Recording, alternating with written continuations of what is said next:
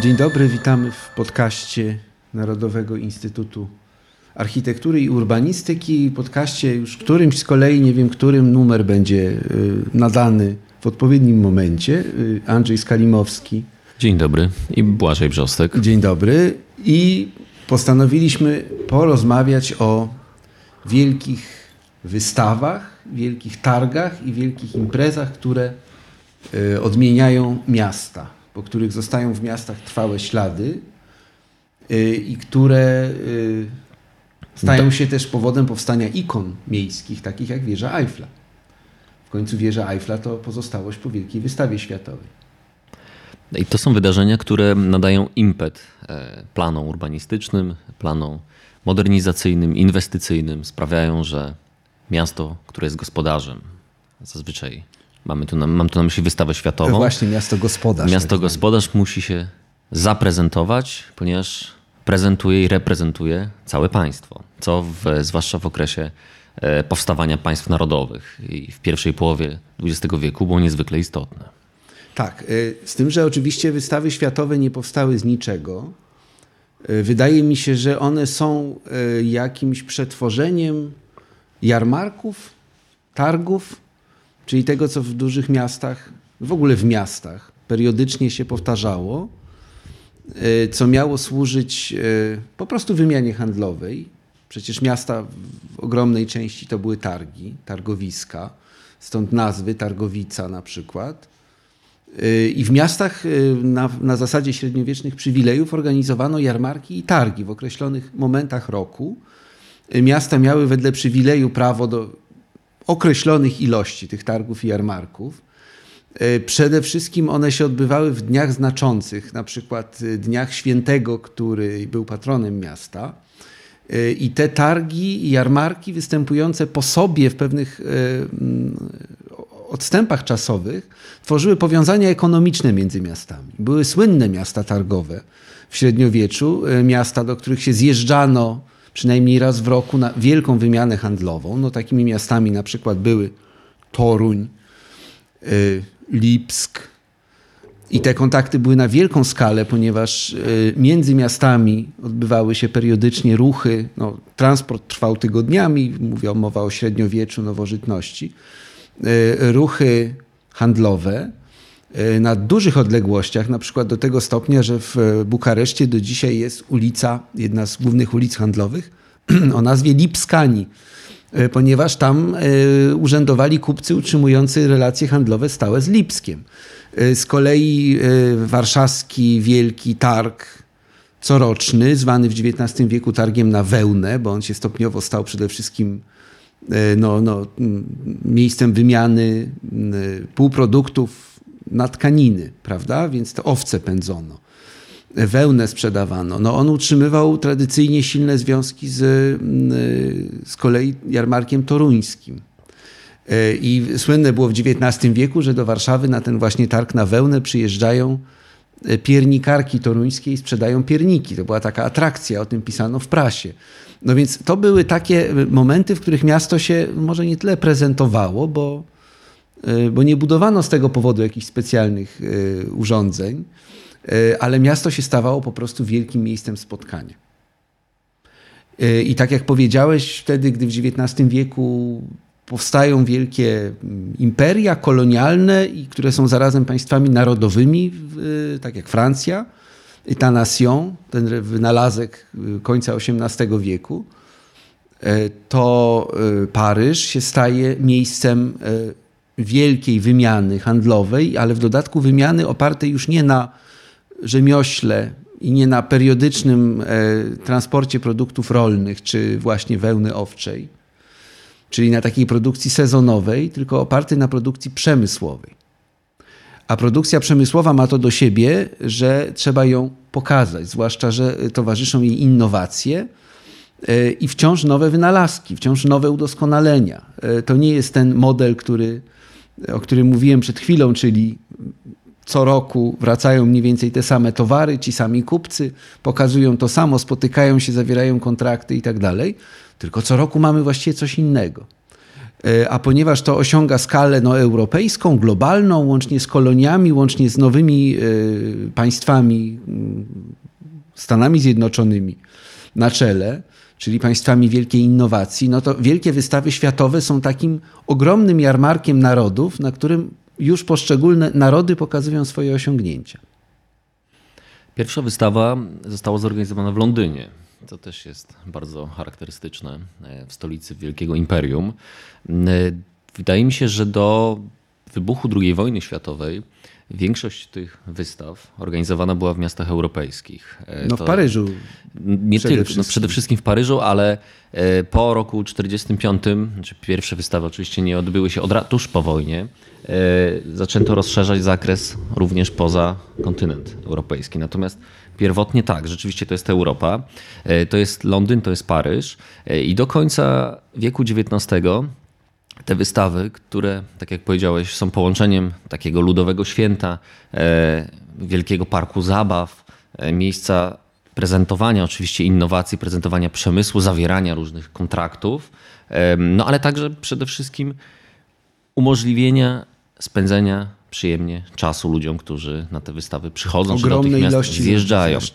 Budowana jest specjalna infrastruktura rozrywkowa E, wszelkiego rodzaju pawilony czy pawiloniki, e, w których można zjeść, można e, kupić różnego rodzaju produkty niekoniecznie przemysłowe, tylko po prostu z użytku codziennego.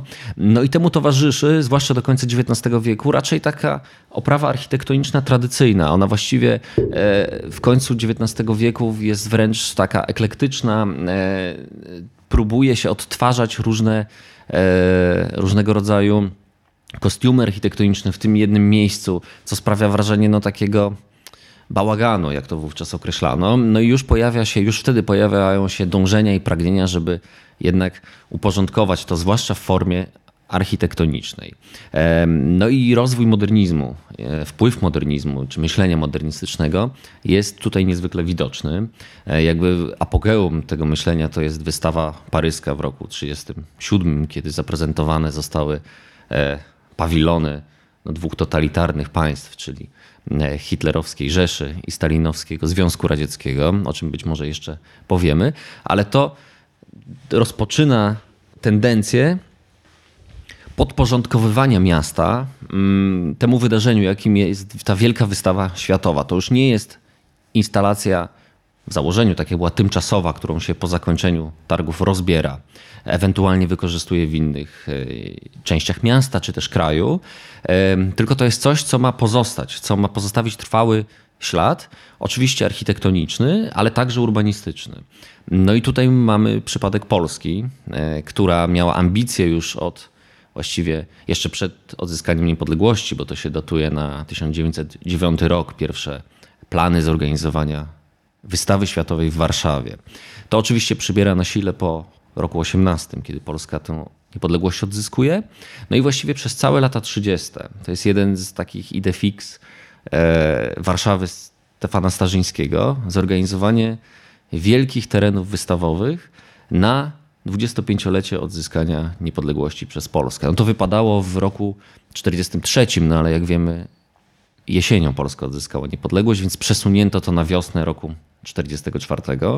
No i wybrano tereny położone blisko centrum, na których można było budować, e, czyli Saską Kępę. No wzory były potężne, trudno było się ścigać z nimi wręcz, bo przecież Najbardziej y, wyrazisty to jest wieża Eiffla i tereny y, wystawowe w Paryżu 1889. Ta pierwsza wystawa, o której mówiłeś, taka prawdziwa wystawa światowa w Londynie, to jest 1851, ale wzór terenu wystawowego daje Paryż. Y, I tam te wystawy się powtarzają, i przynajmniej dwie z nich są okazją do wielkiej zmiany przestrzennej w mieście. E, to znaczy właśnie 1889, wieża Eiffla, e, te tereny pola marsowego, które są zagospodarowane pod pawilony i e, właśnie idea pawilonu jako takiego miejsca, w którym się pokazuje dorobek narodu, przy czym oczywiście narodu państwowego. Na tym polegała też no, brutalność tej rzeczywistości XIX wieku, że Polacy, którzy państwowości nie posiadali, no mogli pokazywać siebie w zasadzie jako jeden z ludów imperiów, prawda, pogranicznych ludów imperiów, nie mieli prawa do własnych pawilonów. E, wystarczyło, żeby powstały państwa e, narodowe, e, państwo rumuńskie, żeby już pawilon narodowy rumuński się pojawił i można tam było pokazać no, coś, co stanowiło dumę zarazem narodu i państwa. Podczas gdy no, Polacy cierpieli na ten kompleks no, nie do rozwoju, prowincjonalizmu, który właśnie się potem wyrazi w okresie międzywojennym w tych takich bardzo buńczucznych planach, prawda, i bardzo kosztownych planach E, natomiast e, wieża Eiffla, 1900 rok, pierwsza linia metra w Paryżu, też związana z wystawą światową lasek Vincennes. Tam się też odbywały letnie Igrzyska Olimpijskie e, wtedy. Trochę się spóźniono z otwarciem tej linii metra, no ale na Igrzyska otwarto. I tam były też tereny wystawowe.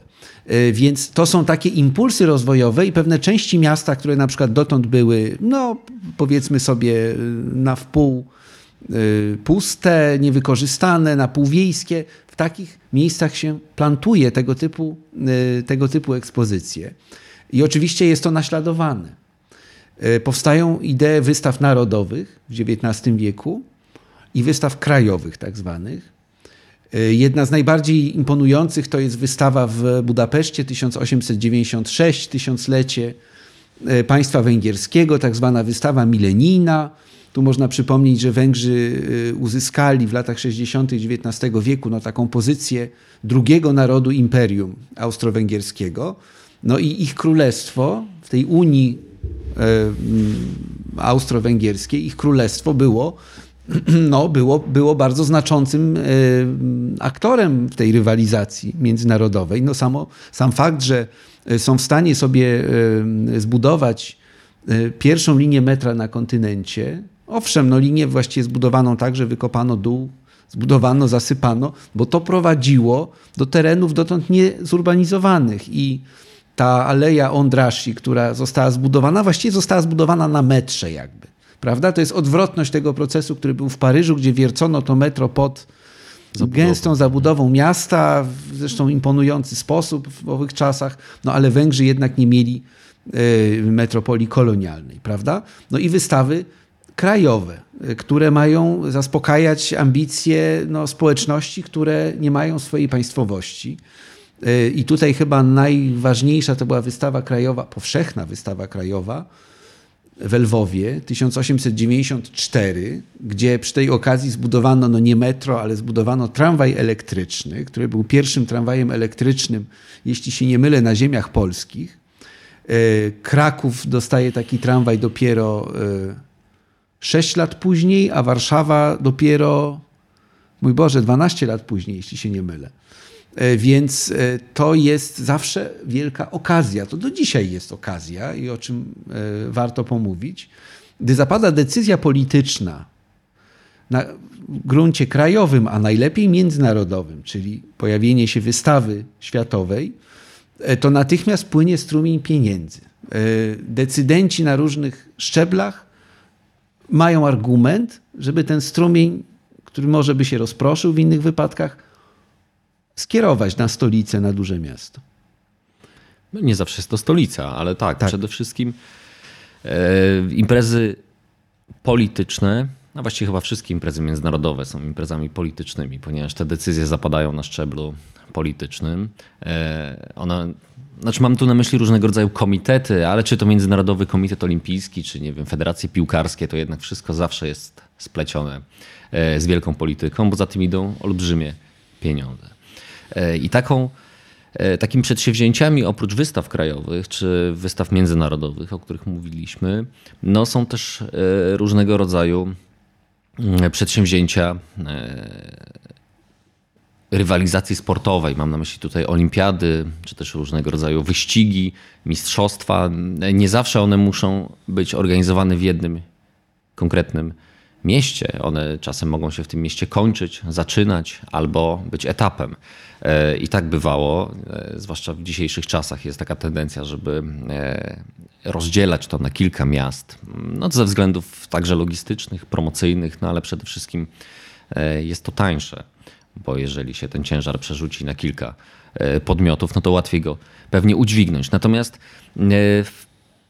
w XX wieku, czy właściwie w Polsce, wydaje mi się, że takim przedsięwzięciem, które w znacznym stopniu wpłynęło na krajobraz miasta, był festiwal młodzieży w roku 55, który był pewnego rodzaju kontynuacją koncepcji przedwojennych. E, mam na myśli budowę wielkiego stadionu centralnego e, w stolicy Polski. No zresztą w tym samym miejscu, w którym przed wojną planowano no właśnie.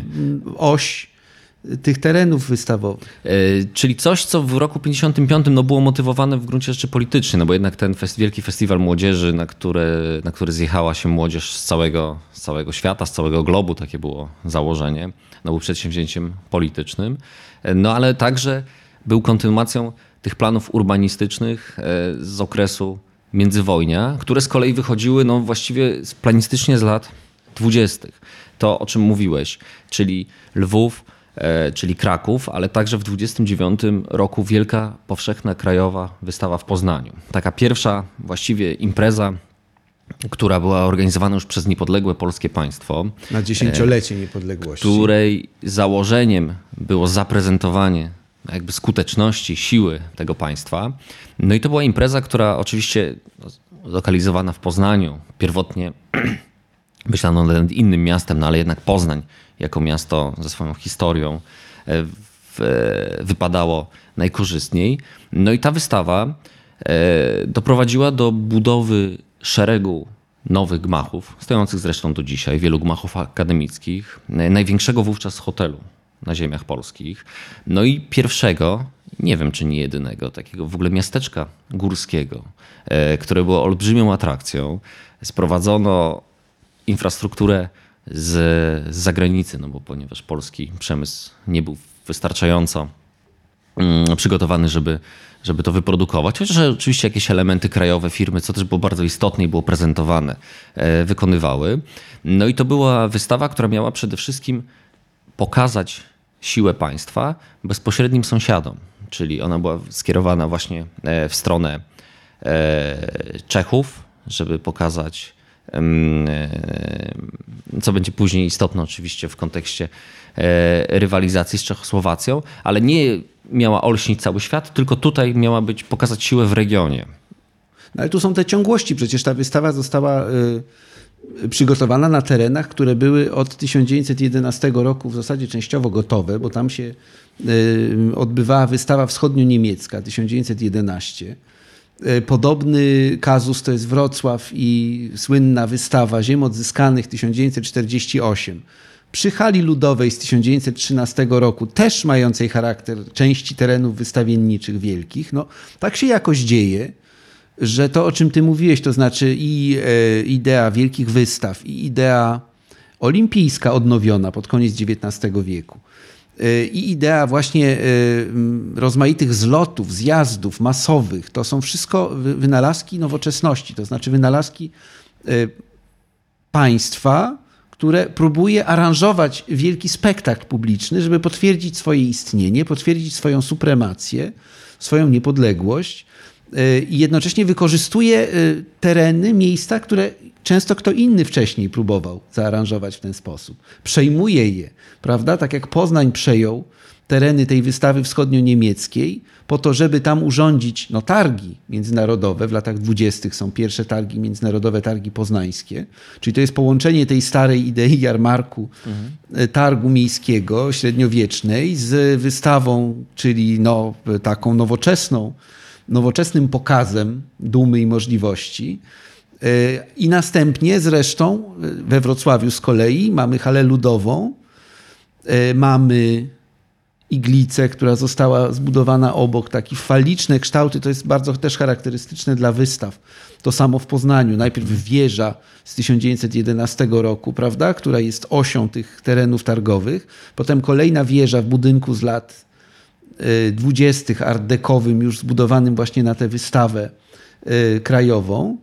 E, potem e, Wrocław iglica, prawda? To wszystko się jakoś odwołuje do wieży Eiffla mniej lub bardziej. Musi być akcent wysokościowy. Podobny projekt był dla Warszawy, dla tych terenów, o których mówiłeś, czyli wystawy światowej na Saskiej Kępie. Tam miał stanąć wieżowiec, Wieżowiec, który, który zresztą zmywająco przypomina Pałac Właśnie, Kultury. wielu historyków sztuki uważa, że to był pierwowzór w ogóle Pałacu Kultury i No Nauki. więc właśnie, tam Nie. gdzie stadion później. Tak, w tym, no, dokładnie w miejscu, rond, gdzie dzisiaj jest obecne rondo Waszyngtona. Tak. W tym miejscu miał stanąć. Więc są takie przedziwne ciągłości. E, mm, Podobne skłonności przy wszystkich różnicach systemów politycznych i wrogości wobec siebie tych kolejnych państw, które powstają, prawda? Czyli państwa polskiego na terenach dawnych Prus, e, potem państwa polskiego na terenach tak zwanych ziem zachodnich czy odzyskanych. I to jest też okazja, żeby zademonstrować nową przynależność. Wystawa ziem odzyskanych połączona z kongresem intelektualistów, to było bardzo charakterystyczne dla tego komunistycznego też projektu, który przywiązywał wielką wagę do idei, do, e, do łopotów e, sztandarów filozoficznych, prawda? E, Więc to stanowi całość. Ten kongres się odbywa zresztą w hali ludowej. Więc to wszystko są takie przejmowanie rozmaitych obiektów, przejmowanie tradycji, często wrogie przejmowanie, pokazywanie na tej wystawie ziem odzyskanych, zresztą wspaniałej. E, Tam e, projektują Jerzy Ch- Chryniewiecki, Cybis, e, Ksawery Dunikowski, no największe nazwiska polskich rzeźbiarzy, grafików, architektów tam się pojawiają. Ogromna ilość bardzo interesujących obiektów, taka słynna wieża z wiader zrobiona. Wielki spektakl polityczny, który już jest przesycony takim oddechem stalinizmu. Tak naprawdę to się dzieje przecież wtedy, gdy Gomułka No y, już, y, już jest oskarżany o, o prawicowo-nacjonalistyczne odchylenie. Y, Ta wystawa miała być triumfem Gomułki jako, Jako ministra ministra, ziem mhm. odzyskanych, ale Gomułka już jej nie może otworzyć. Gomułka się tam pojawia, owszem, i obchodzi stoiska i nawet jakieś zdjęcie w prasie się pojawia Gomułki, ale to już tylko tyle, ponieważ nadchodzi nowa epoka, epoka stalinizmu. Yy, I ta wystawa Ziem Odzyskanych później ma swoją mitologię. Ona uchodzi za taki ostatni moment jeszcze względnego yy, otwarcia, eksperymentu, niesocrealistyczny projekt, prawda? Yy, Ale którym- już odwołujący się do tych postulatów, które później socrealizm będzie forsował, bo Mhm. wspomniany przez ciebie Jerzy Chryniewiecki e, w jednym z artykułów towarzyszących tej wystawie pisze właśnie o sile i skuteczności wyrażenia plastycznego, czyli architektury sztuki, która jest dużo skuteczniejszym narzędziem do promowania Mhm. tego, co, co wystawa ma promować, niż jak on to pisze setki cyfr, kolumn, zestawień, które byłyby absolutnie niezrozumiałe dla odwiedzających tę wystawę, nie miałyby takiej siły rażenia. W związku z tym ta różnorodność przedstawień plastycznych, te rzeźby, te instalacje, ta iglica inżyniera Hempla, która jest też wielkim osiągnięciem konstruktorskim, e, to wszystko ma według architektów, a także pewnie i polityków, no ma dużo większą siłę rażenia i skuteczność niż tradycyjne metody e, promowania. I to wydaje mi się jest jeden z elementów, który później przy takim forsownym e, wdrażaniu socrealizmu i w ogóle ideologizacji architektury jako narzędzia ideologicznego, jako broni ideologicznej partii, no jest niezwykle istotne. E, także zgadzam się z Tobą, że ta wystawa e, Ziem Odzyskanych, zresztą ten rok 48 no jest takim momentem przejściowym między właśnie jeszcze tą polityką względnego, przynajmniej w, w sferze deklaracji pluralizmu i swobody, e, a tym stalinizmem w takim swoim ujęciu, no, może nie kanonicznym, ale już takim Tak, no, z tym, że tam oczywiście jeszcze nie ma ani tej rozbudowanej estetyki socrealizmu, ani tak, e, tak dogmatycznego upaństwowienia, ponieważ tam jest sektor prywatny pokazywany. No, to ma być wystawa, która pokaże światu, jak Polacy doskonale potrafią sobie poradzić e, z ziemiami pozyskanymi, prawda? Jak potrafią je doprowadzić do rozkwitu bardzo szybko. W dużej mierze zresztą obraz fałszywy, tak jak w ogóle obrazy kreowane przez wielkie wystawy są obrazami w dużej mierze fałszywymi. Oczywiście pokazują sukcesy, osiągnięcia, ale nie zawsze. No one e, pokazują przede nigdy. wszystkim aspiracje. Aspiracje tak, natomiast nie zawsze y, no, sytuacje, no, tak jak wystawy krajowe, no, wystawa krajowa y, dotycząca Galicji, stoi na nafcie, na przemyśle, lud jest tam ubrany w swoje odświętne stroje i pokazuje swoje rękodzieło. I o tej nędzy galicyjskiej to my się tam nie dowiemy na wystawie, prawda? Podobnie na wielkich wystawach światowych, gdzie jest pokazywana y, y, kultura, dorobek, jakieś początki przemysłu na Bałkanach, no ale oczywiście nie y, panująca tam nędza, masowa emigracja do Stanów Zjednoczonych i tak dalej. Y, to jest wszystko pewna stylizacja i to, co Hryniewiecki napisał, w gruncie rzeczy możemy odnieść do wszystkich tego typu imprez od XIX wieku, y, które są rodzajem takiego performowania w gruncie rzeczy wartości, dążenia do pewnych wartości, tak jak mówisz, aspiracji raczej niż stanu rzeczywistego. Tu mi przychodzi do głowy e, taki dość słynny pawilon rumuński w Paryżu, chyba 1900, który jest e, jednym z pierwszych przykładów narodowego stylu rumuńskiego w architekturze, e, bo jest wzorowany na XVII-XVIII wiecznych domach takich no, bojarskich domach, które nazywano kula. No ale ten pawilon zaprojektował Francuz. Francuz sobie wykoncypował na podstawie swoich poszukiwań to, co miałoby być stylem narodowym rumuńskim, prawda? Trochę podobnie, szczerze mówiąc, jak e, Lew Rudniew z zespołem sobie wykoncypował, jak powinien wyglądać Pałac Kultury. Na podstawie bardzo podobnych badań, działań, prawda? No tylko tu mamy inną sytuację jednak. I zróbmy nawiązanie. Pałac Kultury inaugurowany w tym samym czasie, co stadion dziesięciolecia. No w zasadzie na Wielki Festiwal Młodzieży i Studentów. A czym ten festiwal był? 1955, moim zdaniem połączeniem tych wszystkich zjawisk, to znaczy wielkiej wystawy światowej, wielkiego jarmarku yy, i wielkiego zlotu młodzieży. No też takiego, ja tu cały czas wracam do tej, tego wątku sportowego, który wielkiego wydarzenia jest niezwykle oczywiście. istotny no, w kontekście kształtowania tego socjalistycznego człowieka, ale nie tylko, no przecież w hitlerowskich Niemczech tężyzna fizyczna, e, siła, sprawność jest cnotą niezwykle tak. pożądaną. I to w stalinizmie również. A to ma oczywiście także aspekt taki utylitarny, bo w momencie konfliktu światowego no lepiej mieć prawda, wysportowanych, sprawnych fizycznie obywateli e, niż ich nie mieć. Tak, i, tym... zmobilizowanych. To jest też wydarzenie mobilizacyjne, prawda? Każdy taki wielki spęd, masowy spęd, zwłaszcza w państwach totalitarnych, ale nie tylko, bo Czechosłowacja międzywojenna na przykład była bardzo słynna z powodu swoich imprez gimnastycznych. To była tradycja z kolei Sokoła, jeszcze austro-węgierskich, różnych takich E, działań, działań społecznych. E, I na przykład te wielkie pokazy gimnastyczne, które przy każdej takiej okazji w połowie XX wieku się robi. Mhm. Te stadiony wypełnione ćwiczącymi kobietami i mężczyznami i e, widownią, która ma ich podziwiać, podziwiać ich harmonię, piękno i przede wszystkim to, jak potrafią wszystko robić w rytmie. I te wystawy mają też nadać taki rytm zarówno życiu Y, narodu jak miasta i mają to miasto zmienić na zawsze najlepiej. Tak, no i to jest, wydaje mi się, taki drugi okres w tej periodyzacji wielkich imprez XX e, wieku, czy XIX i XX wieku. Te pierwsze wystawy dotyczące przemysłu, to o czym mówiłeś. E, następny okres to jest przede wszystkim kultura, to jest pewnego rodzaju wymiana e, myśli, symboli, tak. symboli, próba, no nie chcę używać takiego określenia, ale w jakimś stopniu także próba zainfekowania ideologicznego, zwłaszcza Zachodu, ideologią wschodnią. E, Pałac Kultury i Nauki, prawda? Ci ludzie, którzy przyjeżdżając do Warszawy, oni nie podziwiają maszyn rolniczych, oni nie oglądają mm, urządzeń e, stosowanych w kopalniach, tylko mają między sobą rozmawiać, tańczyć, słuchać odczytów, e, dyskutować o poezji. E, to jest jakby zmiana tego ciężaru, prawda? Teraz bronią właśnie jest e, kultura, oświata i nauka. I w tym trzecim etapie, do którego jeszcze może dojdziemy, to będzie już właśnie nauka, wynalazki, to wielka wystawa Expo 58, prawda, z atomium, tym symbolem powiększonego atomu.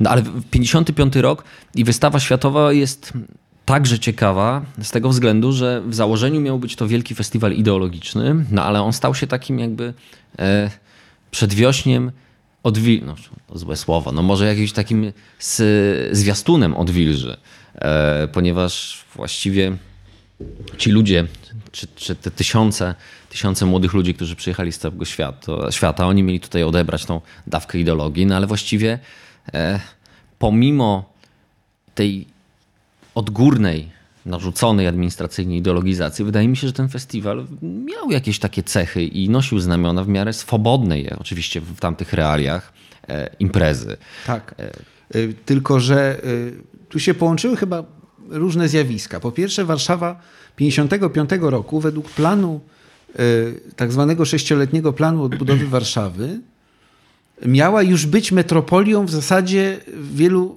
elementach skończoną. Planowano otwarcie metra na 55 rok pierwszej linii, zabudowę głównych ulic, ciągłą, marszałkowskiej, monumentalnej. Wszystko to, co było rysowane pod koniec lat 40., miało w 55 roku być gotowe i nie jest. E, festiwal wkracza do miasta, które jest w gruncie rzeczy ciągle zrujnowane, gdzie są takie poszczególne fragmenty, bo stoi kawałek MDM-u, stoi Stare Miasto, e, stoi krakowskie przedmieście, Nowy Świat, ale Marszałkowskiej w zasadzie nie ma. Naprzeciwko Pałacu Kultury są pawilony, y, partery właściwie kamienic i sklepiczki, prawda? To wszystko nie jest. I trzeba stworzyć metropolię tam, gdzie jej nie ma. I temu bardzo pomagają lekkie konstrukcje i e, dekoracje oparte na e, takich rozpiętych na e, linach, prętach płótnach głównie, malowanych płótnach, tekturach, tego typu strukturach, które tworzą jak gdyby fałszywe pierzeje ulic, a malowane są w sposób całkowicie niesocrealistyczny. E, tylko e, no, taki już modernistyczny, można powiedzieć. No, to, jest, e, to się dzieje dwa lata po śmierci Stalina. To nie ma jeszcze oficjalnego potępienia kultu jednostki. Jesteśmy jeszcze przed słynnym tajnym referatem Chruszczowa. No ale ta odwilż jest wyczuwalna. E, w związku z tym wyczuwają to także artyści, którzy prawdopodobnie także korzystając z pośpiechu, w sensie z potrzeby Właśnie. zorganizowania mhm. tego szybko. E, wydaje mi się, że tutaj ta śruba ideologiczna zostaje poluzowana odgórnie, ponieważ jeżeli chciano by tak to nadzorować, jak to robiono lat wcześniej 3, 4, no to by to nie powstało. Nie udałoby tak. się tego zrobić na czas. W związku z tym przymyka się oko, a artyści to wykorzystują i mam wrażenie, że z, ze skutkiem dobrym dla tego mhm. festiwalu. Powstaje wielki, jak na tamtą oczywiście skalę, stadion, który oczywiście także nie jest w takiej formie, jak go zaprojektowano, ponieważ nie ma na to czasu, też już nikt go nie chce budować tak socrealistycznie. On powstaje na wielkim gruzowisku, na zwałce e, gruzu zwożonej, e, zwożonego z Warszawy. E, w związku z tym to te legendy, prawda, które mówią, że on jest zbudowany na, na kościach ludzkich, no w jakimś sensie oczywiście są prawdziwe, no ale to tak jak większość zabudowy tak. Warszawy, więc tutaj bym szczególnie tego nie demonizował. Mm, no i to się dzieje na Saskiej Kępie, czyli w miejscu, gdzie przed wojną planowano te tereny wystawowe, ponieważ tam jest miejsce, a po drugie, no jest to próba, mówiąc brzydko, zaktywizowania urbanistycznego tego, tego terenu, który leży po prawej stronie Wisły, no i który jakby historycznie i tradycyjnie był, był w historii Warszawy zaniedbany. W związku z tym mm, tam się lokuje ten wielki, wielki stadion. No jakby pamiątką taką jeszcze e, po, po tych wielkich planach i wielkich zamysłach no jest siatka ulic Saskiej Kępy z nazwami prawda, państw, e, no z ulicą międzynarodową. Prawda? Tak, tak. Ten kanał wystawowy, który miał być takim elementem e, kompozycji, kompozycji tak. tych terenów. To wszystko przypomina o tych wielkich ambicjach, wielkich zamierzeniach. To zresztą jest taka dosyć typowa dla terenów wystawowych pierwszej połowy XX wieku koncepcja miasta ogrodu właściwie, bo e, te tereny wystawowe są projektowane, myślę o tych wielkich wystawach właśnie krajowych i, i, i mocarstwowych, prawda? W, we Wrocławiu, w Poznaniu, e, tych niemieckich. One są projektowane wedle ideologii miasta ogrodu, czyli łukowate ulice, taka koncentryczna E, urbanistyka, e, duża ilość zieleni, jakieś esplanady, pergole bardzo charakterystyczne i centralny budynek o charakterze lekkiej, ażurowej konstrukcji hali, bardzo przeszklony. No właśnie hala ludowa we Wrocławiu, słynna, wspaniała konstrukcja e, z lat nastych. No i Saska Kępa bardzo podobnie projektowana, to widać, prawda? Bardzo podobne linie i to przetrwało jak gdyby i zostało wpisane potem w zupełnie inną konwencję, przecież y, innego rodzaju święta, y, także międzynarodowego i tutaj to, o czym mówiłeś, odwilż, no w zasadzie te festiwale, które się periodycznie powtarzają, mają być taką demonstracją siły obozu pokoju. Y, I w dodatku nie tylko państw podporządkowanych Związkowi Radzieckiemu, ale w ogóle młodzieży, także z krajów kapitalistycznych. Która ma być wciągnięta w tę zabawę, ma być przekonana o tym, że te państwa komunistyczne nie są ponurą policyjną dyktaturą, tak jak to przedstawia prasa tak zwana burżuazyjna, tylko że tu się ludzie bawią, cieszą. No, w związku z tym nie można tych gości wpuścić do miasta o ponurej, kolczastej atmosferze policyjnej, tylko to miasto musi ulec pewnemu rozluźnieniu i tak się dzieje. Tak się stało w Bukareszcie w 1953 roku. To bardzo ale to bardzo ponura dyktatura, y, wielokrotnie bardziej represyjna od polskiej i y, trzymająca swoich y, mieszkańców czy poddanych no, wtedy w straszliwej nędzy. I w Bukareszcie przed festiwalem mówi się o głodzie festiwalowym. To polega na tym, że zostają zmagazynowane ogromne ilości żywności, zwłaszcza mięsa, którego nie sposób dostać na rynku, dla gości festiwalu. I to wszyscy wiedzą, bo widzą, że sklepy opustoszały.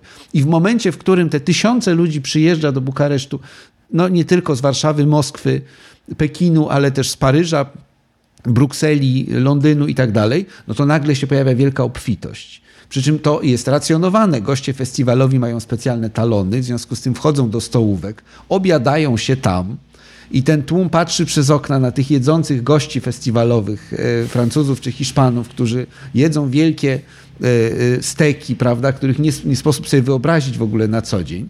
Więc pojawiają się tu liczne napięcia. Taki festiwal jest też pod tą przykrywką Wielkiego Święta, no, teatrem życia społecznego, rozmaitych resentymentów, ale też potwornej chęci poznania tych przybyszów. No wymiany towarów między nimi. Oni są obdzierani z piór kulkowych, bo ja wiem, znaczków festiwalowych, ale też pieniędzy. Pojawia się zjawisko pracy seksualnej na wielką skalę, pojawia się zjawisko romansów y, i przelotnych znajomości, które potem skutkują rodzeniem się dzieci. To samo zjawisko w Bukareszcie 53, w Warszawie 55 i słynny wielki festiwal w Moskwie 57, hmm. który jakby otwiera no to właśnie. miasto. Tak, to I tu już przechodzimy do kolejnej epoki. E, zostawiamy ten stalinizm. To są lata 50., później lata 50., lata 60. i kolejne. E, odwilż w krajach bloku wschodniego, no w różnych krajach różnie przebiegała, no ale w Polsce jest to zwłaszcza po wystąpieniu Gomułki, no jakaś taka eksplozja nadziei. E, także w architekturze, w urbanistyce jest szansa zrzucenia tego gorsetu już ludzie zobaczyli tych przybyszy z, z innych krajów, widzą, że oni nie są tacy straszni. E, można można to jakoś skonfrontować, czy mogli to skonfrontować z tym wizerunkiem propagandowym. I ci przybysze też widzą, że to ci nie jest takie widzą tak, że to nie jest takie prawda? miejsce, chociaż jak to pisano, że architektura, e, wielka architektura cienia została pokolorowana na ten mhm. festiwal. To jest bardzo dobre określenie, które zwłaszcza w odniesieniu do tych socjalistycznych gmachów. E, wydaje mi się, że trafnie, trafnie obrazuje to co, to, co zaszło. No ale ta polityka już nie jest aż tak istotna, przynajmniej w takim ujęciu, w jakim była dotychczas. E, wraca druga fala modernizmu i to właśnie widać znowu na odradzających się, organizujących się na wielką skalę wystawach światowych. światowych tak. Taką wielką wystawą było Expo 58 zorganizowane e, w Belgii. W Brukseli. Tak. W Brukseli, gdzie polski pawilon projektu zresztą Jerzego Sołtana e, zrobił olbrzymie wrażenie. Mm, no on się wpisywał w te powrót do tych lekkich, przeszklonych konstrukcji. To jest odrzucenie tego monumentalizmu. One już nie mają przekazywać, nie mają pokazywać jakiegoś ideologicznego napięcia, tylko mają właśnie bawić się tą lekkością, tak. pokazywać e, możliwości konstrukcyjne. To jest wy, wylew czy zalew tych różnego rodzaju realizacji, które znamy w Warszawie, tych łupinowych dworców. To jest właśnie odreagowanie tego czasu stalinizmu e, i czasu tych mrocznych lat 50. Natomiast no, to jest w skali międzynarodowej. Natomiast tutaj w Polsce pojawiają się pomysły, mm, nie wiem na ile inspirowane przez Władysława Gomułkę, pewnie, pewnie nie, bardziej przez jego środowisko doradców i ogólnie taką potrzebę społeczną, żeby ukierunkować ten entuzjazm i tę siłę no, na jednak pole krajowe, żeby wykorzystać to już niekoniecznie do imponowania i prezentowania się na zachodzie, a żeby zrobić coś tutaj dla kraju. I taką jedną z licznych akcji, no to jest przede wszystkim akcja budowy tysiąca szkół na tysiąclecie Polski, prawda? To jest próba zmodernizowania kraju wokół wielkiej inicjatywy, wielkiej imprezy, jaką była rocznica e, milenium, czyli uzyskanie przez Polskę no. państwowości, konkurująca z rocznicą chrztu. Znaczy tysiąclecie, bo tysiąclecie, milenium to właśnie był chrzest. E, na tysiąclecie państwa polskiego. No i jakby jednym z takich pomysłów, pomysłów jest e, zrobienie czegoś konkretnego, czyli budowa właśnie tysiąca szkół tak. na tysiąclecie. Ale wokół tej akcji, czy wokół tej rocznicy pojawia się też, pojawiają się dziesiątki akcji zadrzewiania, porządkowania terenów, e, modernizacji wsi, wymiany dachów. To są wszystko takie czynniki, które mają sprawić, że nie idzie, te pieniądze i te środki nie idą tylko i wyłącznie w puste deklaracje, na pokaz, tak. na pokaz tylko one czemuś służą. Tak. To poka ma pokazać partię jako dobrego gospodarza. Mhm. I to jest rzeczywiście czytelne, jak się spojrzy do protokołów partyjnych z tamtych lat. Jest niechęć do stawiania niepotrzebnie e, pompatycznych pomników, tego typu rzeczy, raczej właśnie w kierunku budowania pomników trwałych, czyli nie wiem, szpitali, takich budynków. E, są również akcje, które mają tę młodzież, to mówiliśmy o młodzieży, prawda, którą trzeba w jakiś sposób formować i jej też siłę i entuzjazm, witalność ukierunkować. I taką akcją zorganizowaną przez e, Związek Harcerstwa Polskiego jest akcja Fromborg 1001, która ma być właściwie procesem, czy rozłożonym na lata 60, tam 66, 67 do, do, do 73, czyli na 500-lecie urodzin Mikołaja Kopernika. To jest pla, w planach w planach było odbudowanie właściwie zburzonego po wojnie całkowicie miasta, jaki był Fromborg. Ono po wojnie straciło prawa miejskie, nawet z, z uwagi na, na skalę zniszczeń. No i to się udaje. Tam oczywiście ci młodzi ludzie przyjeżdżają z całego kraju, zdobywają odznaczenia, e, rywalizują ze sobą w tą wielką akcję włączeni są konserwatorzy zabytków, którzy mają tam swój jakby poligon doświadczalny. To wszystko ma pomóc w późniejszych latach skutecznie e, budować nową, nową Polskę, prawda? I to ta nowa Polska, druga Polska po objęciu władzy przez Edwarda Gierka, mm, no jakby te dążenia i ten sposób myślenia eksploduje. Tak, to prawda. I e, jednocześnie to, o czym mówiłeś, e, pawilon Sołtana w Brukseli 58 e, jest świadectwem takich międzynarodowych aspiracji polskich architektów, polskich środowisk twórczych. I na kolejnych wystawach światowych te aspiracje będą widoczne, ale rzeczywiście, po pierwsze, znikoma liczba Polaków tam, tam się udaje i ogląda te wystawy. E, po drugie, ich znaczenie chyba stopniowo maleje. Po trzecie, one się zaczynają odbywać głównie na innych kontynentach. No właśnie. E, one się odbywają e, w Stanach Zjednoczonych i Japonii, i generalnie tak, i w Kanadzie. Lata 70. to właściwie wyłącznie tam. I tak jak gdyby Europa odpuszcza sobie tę wielką ideę, być może częściowo to wynikało jednak z pewnej krytyki, jaka potem się rozlega po tym Expo 58 Przecież e, zburzono, może nie chcę przesadzić, ale pół Brukseli. Z tej okazji e, wydano gigantyczne środki, e, stworzono mnóstwo budynków, które później nie były właściwie potrzebne do niczego i niszczały. One były przenoszone, zresztą to bardzo kosztowny proces, był w różne części kraju, żeby w jakiś sposób je zagospodarować. Tak, ale niektóre, jak to jeszcze można było widzieć w ostatnich latach w Brukseli, to po prostu są tak, w takim stanie daleko posuniętej degradacji. To się wiąże generalnie też z ze stopniowym kryzysem modernizmu jako, jako pewnej idei. I e, te wystawy, no w ogóle Expo jako, jako idea, to jest taka inicjatywa Ligi Narodów, jeszcze międzywojenna, e, bardzo europejska. I potem to się przenosi poza Europę. No, wystarczy powiedzieć, że ostatnia chyba wielka wystawa Expo światowa była w Astanie mhm. i chyba nikogo ona nie obchodziła specjalnie w Europie e, tak bardzo. Zawsze jest to okazja do dużych wydatków. Natomiast to, co nadal było aktualne, o co się miasta y, starały ze sobą rywalizować na globalnej skali, to jest sport. Wydaje mi się, że on zastąpił w dużym stopniu te idee wielkich wystaw światowych.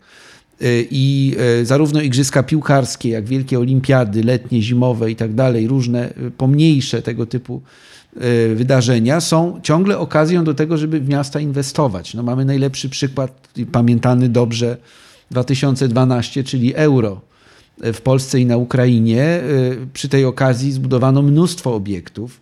Odnowiono stadion no dziesięciolecia, zbudowano który nowy, stał się narodowym. Nie, tak, tak, no to udało się też pozbyć to, o czym rozmawialiśmy w którymś z podcastów, udało się pozbyć wielkiego e, bazaru, wielkiego jarmarku, który właściwie no, był nie do ruszenia tak. bez takiej wielkiej e, zewnętrznej inicjatywy. Co swoją drogą jest bardzo e, symboliczne, bo ten jarmark Europa, czymże on innym był niż w końcu jakąś kontynuacją dawnych jarmarków i to na skalę bardzo międzynarodową, gdzie wiele narodowości i e, europejskich, i azjatyckich, i afrykańskich sprzedawało różne towary, e, gdzie no, można było raczyć się kuchnią narodową, zwłaszcza wietnamską, w wspaniałych wydaniach zresztą, gdzie było mnóstwo pawilonów, co prawda zbudowanych nie przez, przez sołtana, no tylko zbudowanych z rozmaitych materiałów, w tym prezentu na przykład i szczęk tak zwanych i wszystkiego jeszcze, i stolików, wszystkich małych form architektury. No w gruncie rzeczy to był bardzo imponujący rodzaj wystawy światowej w Warszawie, która została jednak uznana za coś y, no, niewłaściwego dla Śródmieścia i wyrzucona. Tak, no wyrzucona w tym miejscu powstał stadion, zresztą krytykowany od samego początku. Jak zwykle ambicje były większe. E, miał być to narodowy, no zresztą nazwa, prawda, sama tak. jest też tutaj znamienna. No miał być to stadion, który będzie jakimś popisem polskiej myśli architektonicznej. Właściwie no jest to projekt e, zmodyfikowany, pod, dostosowany pod warszawskie potrzeby, no ale jednego z niemieckich stadionów, co też przyniosło spore rozczarowanie. No byli polscy architekci, nieżyjący już Wojciech Zabłocki, który złożył swoją propozycję. E, to był właśnie ten sposób myślenia o wielkiej imprezie sportowej jako szansie na zrealizowanie czegoś czegoś trwałego, czegoś wielkiego. Czego w innym wypadku się tak nie uda Czego zrobić. się nie da zrobić, tak, bo nikt tym nie będzie zainteresowany. E, no i to, wydaje mi się, że to myślenie także w sposób karykaturalny zrealizowało się, znaczy ten sposób myślenia dał jakieś takie owoce w Rosji putinowskiej, prawda, gdzie przecież ta wielka, wielka impreza na Krymie, e, która kosztowała jakieś dziesiątki miliardów dolarów. E, właściwie to wszystko tak naprawdę nie miało żadnego sensu od samego początku z uwagi na klima uwarunkowania klimatyczne, no ale sposób w jaki rozkradano te środki, właściwie w, chyba w, sposób koncesjonowany, no, jest, jest, wydaje mi się, nieprawdopodobną no, kompromitacją jest, tak. tej idei. I... Ale zawsze w pewnym stopniu tak było i każde takie wielkie wydarzenie ma swoją podszewkę, o której się y, mówiło po latach albo o której się mówiło szeptem. Y, być może te teraz, o których ty mówisz, są już popisami rzeczywiście na, na wielką skalę wielkiej korupcji i to zarówno takiej finansowej, jak można powiedzieć, e, politycznej i intelektualnej, ponieważ mają uzasadniać pewne no. agresywne działania, prawda? Dominację jednych nad, nad drugimi, e, supremację wielkich kapitałów nad innymi, prawda? E, I to przesuwanie się imprez do Azji, ten, to Expo w Astanie, czyli w nowej stolicy no, państwa autorytarnego, prawda? Wszystko to jest takim obrazem naszych czasów. Dziękujemy. Dziękujemy.